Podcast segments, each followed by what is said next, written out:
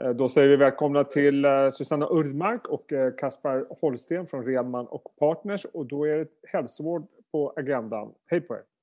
Tack! Hej! Hej!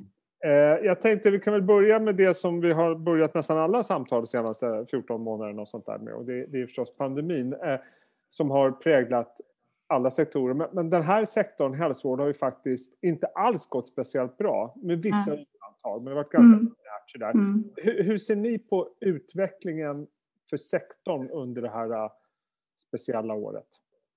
Nej, men som du säger, det, det, när vi satt där i början på mars, då var ju vi ganska övertygade om att läkemedel var det som skulle gå bäst, för det var ju en defensiv sektor.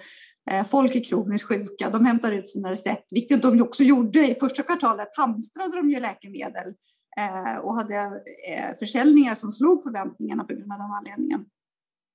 Men när vi hade varit nere på botten där i slutet av mars, då fick vi en helt annan marknad.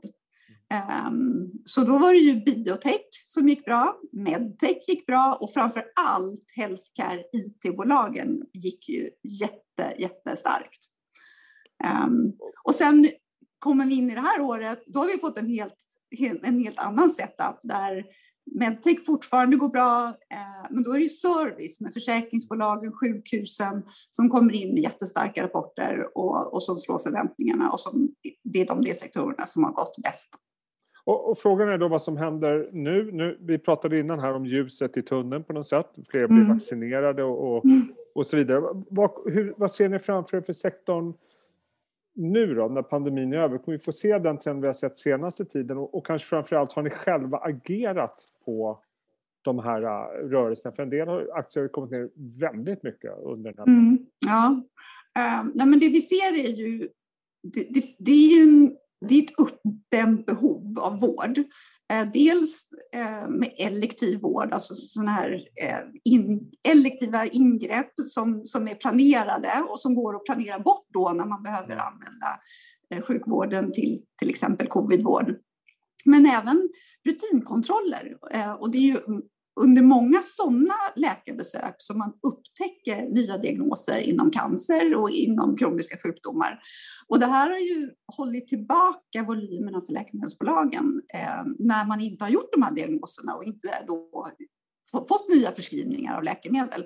Så vi ser väl att där, där medtech-produkterna eh, där oss ju en stark återhämtning i volymerna, men det är redan inprisat i kurserna. Okay. Så är det inte riktigt för läkemedelsbolagen. Där har vi fortfarande väldigt, väldigt låga värderingar. Eh, men vi tror ju att när den här volym eh, utvecklingen tar fart igen, eh, kanske redan eh, under andra kvartalet, att vi borde kunna få en annan utveckling eh, för den delsektorn.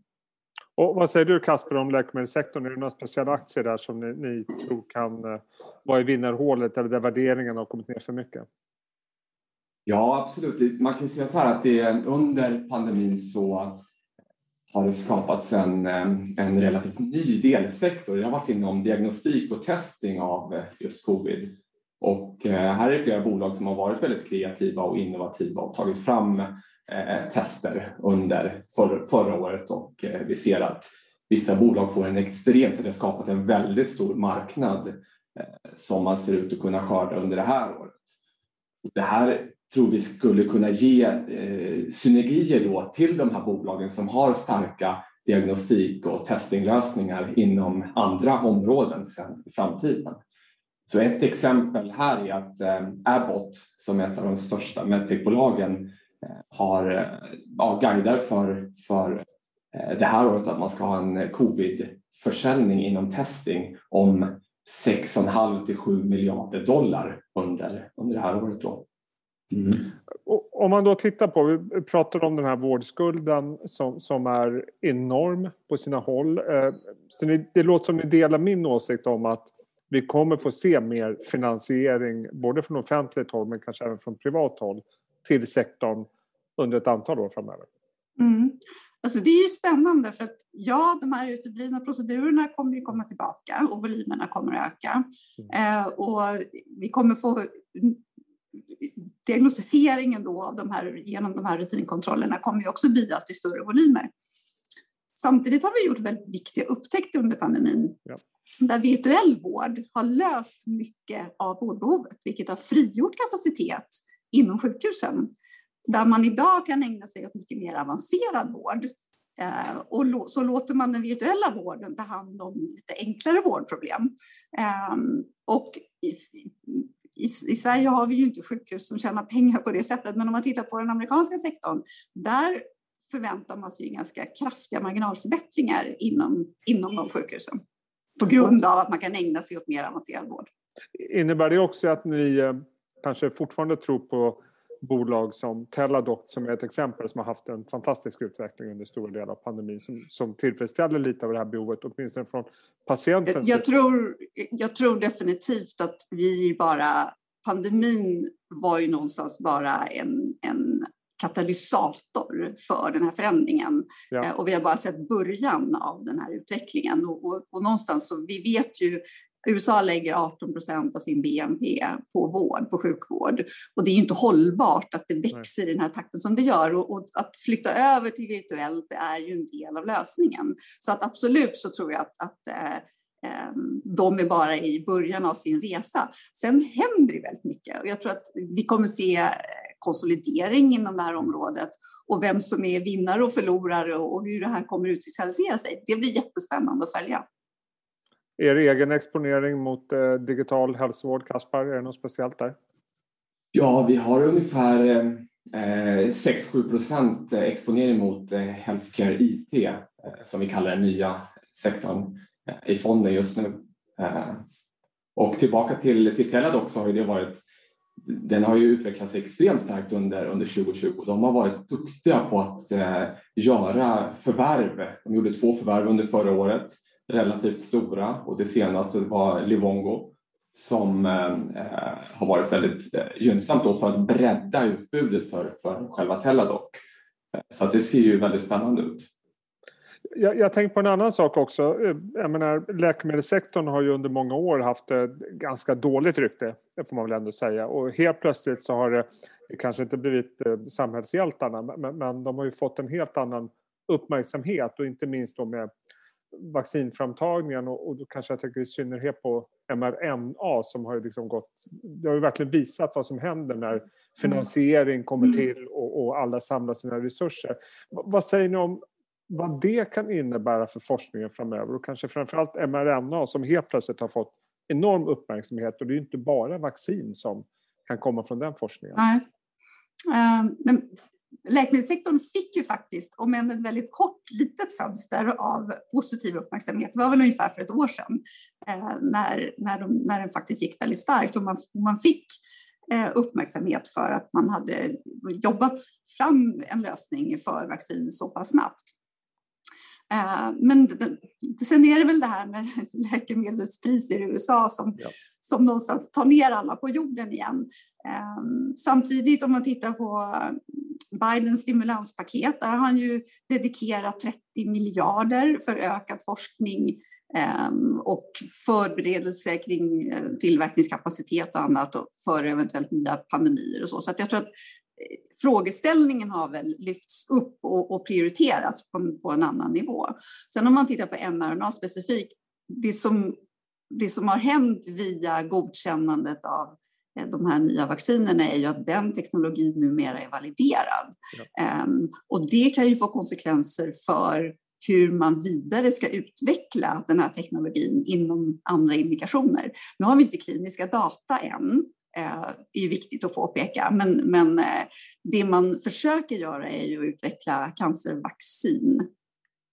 Um, och, och där får vi väl se. Nu har de väl varit så upptagna med just sina um, covidvaccin så, så, att just den forskningen kanske har hamnat lite um, efter. Men, men det är väl det som blir nästa steg.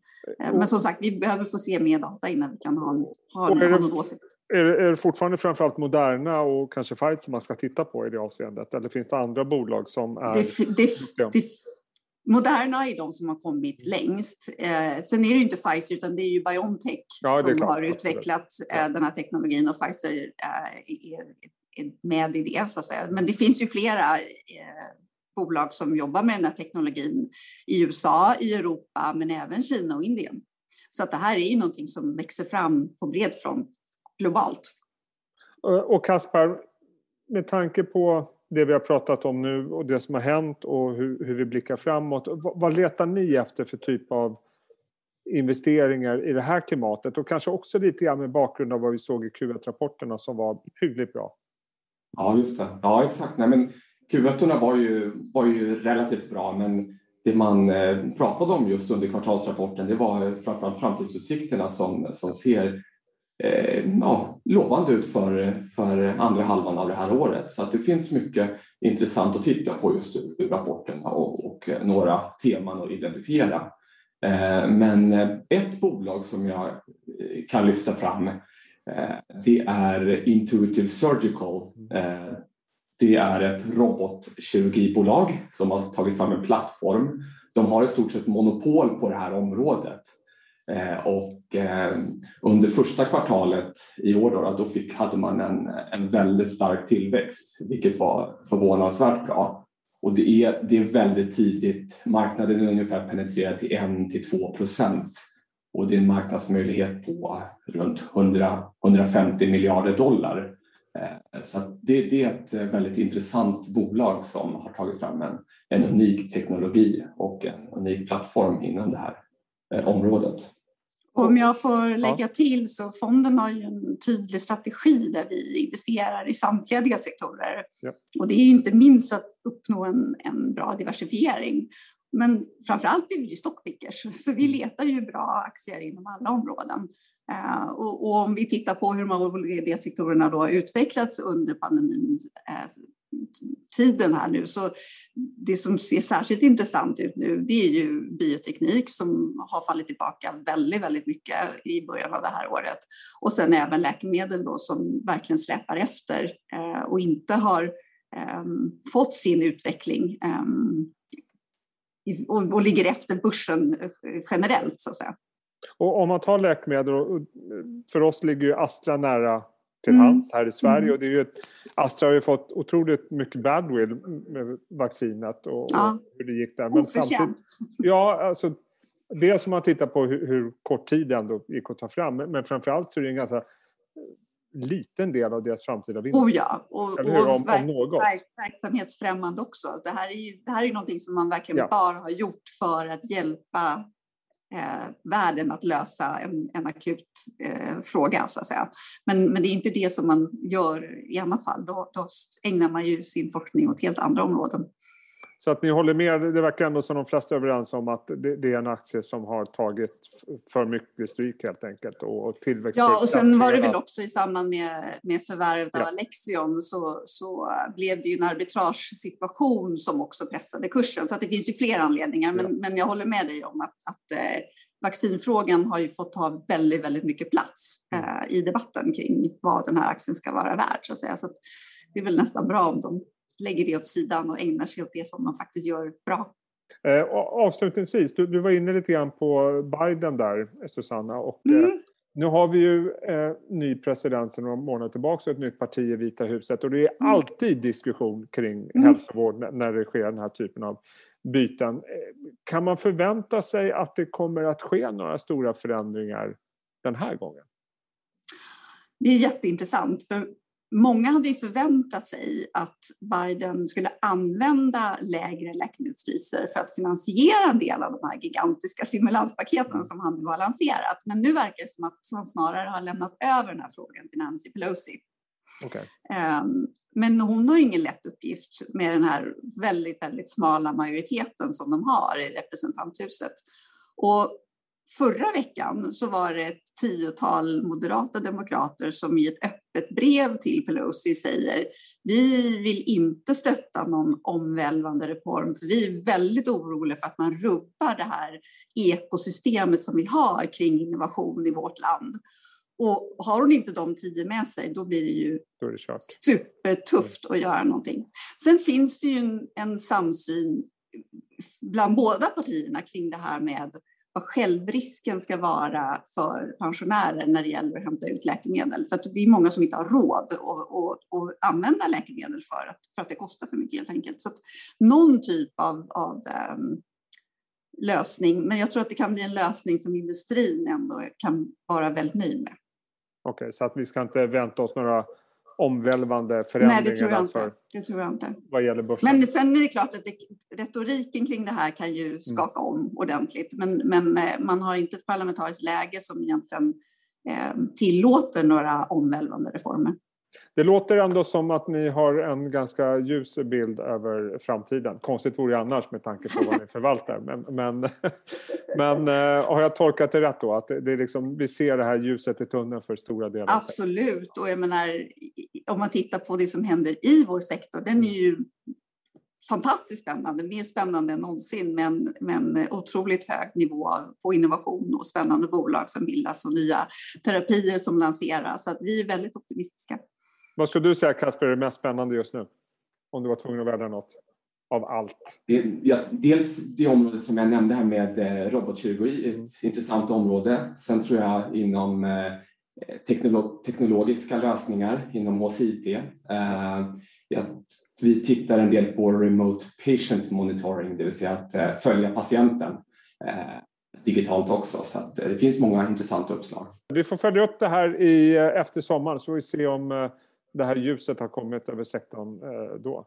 Det, var det låter bra. Väldigt trevligt att prata med er igen. Eh, ha en fortsatt bra vecka. Detsamma. Tack så mycket. Tack. Hej.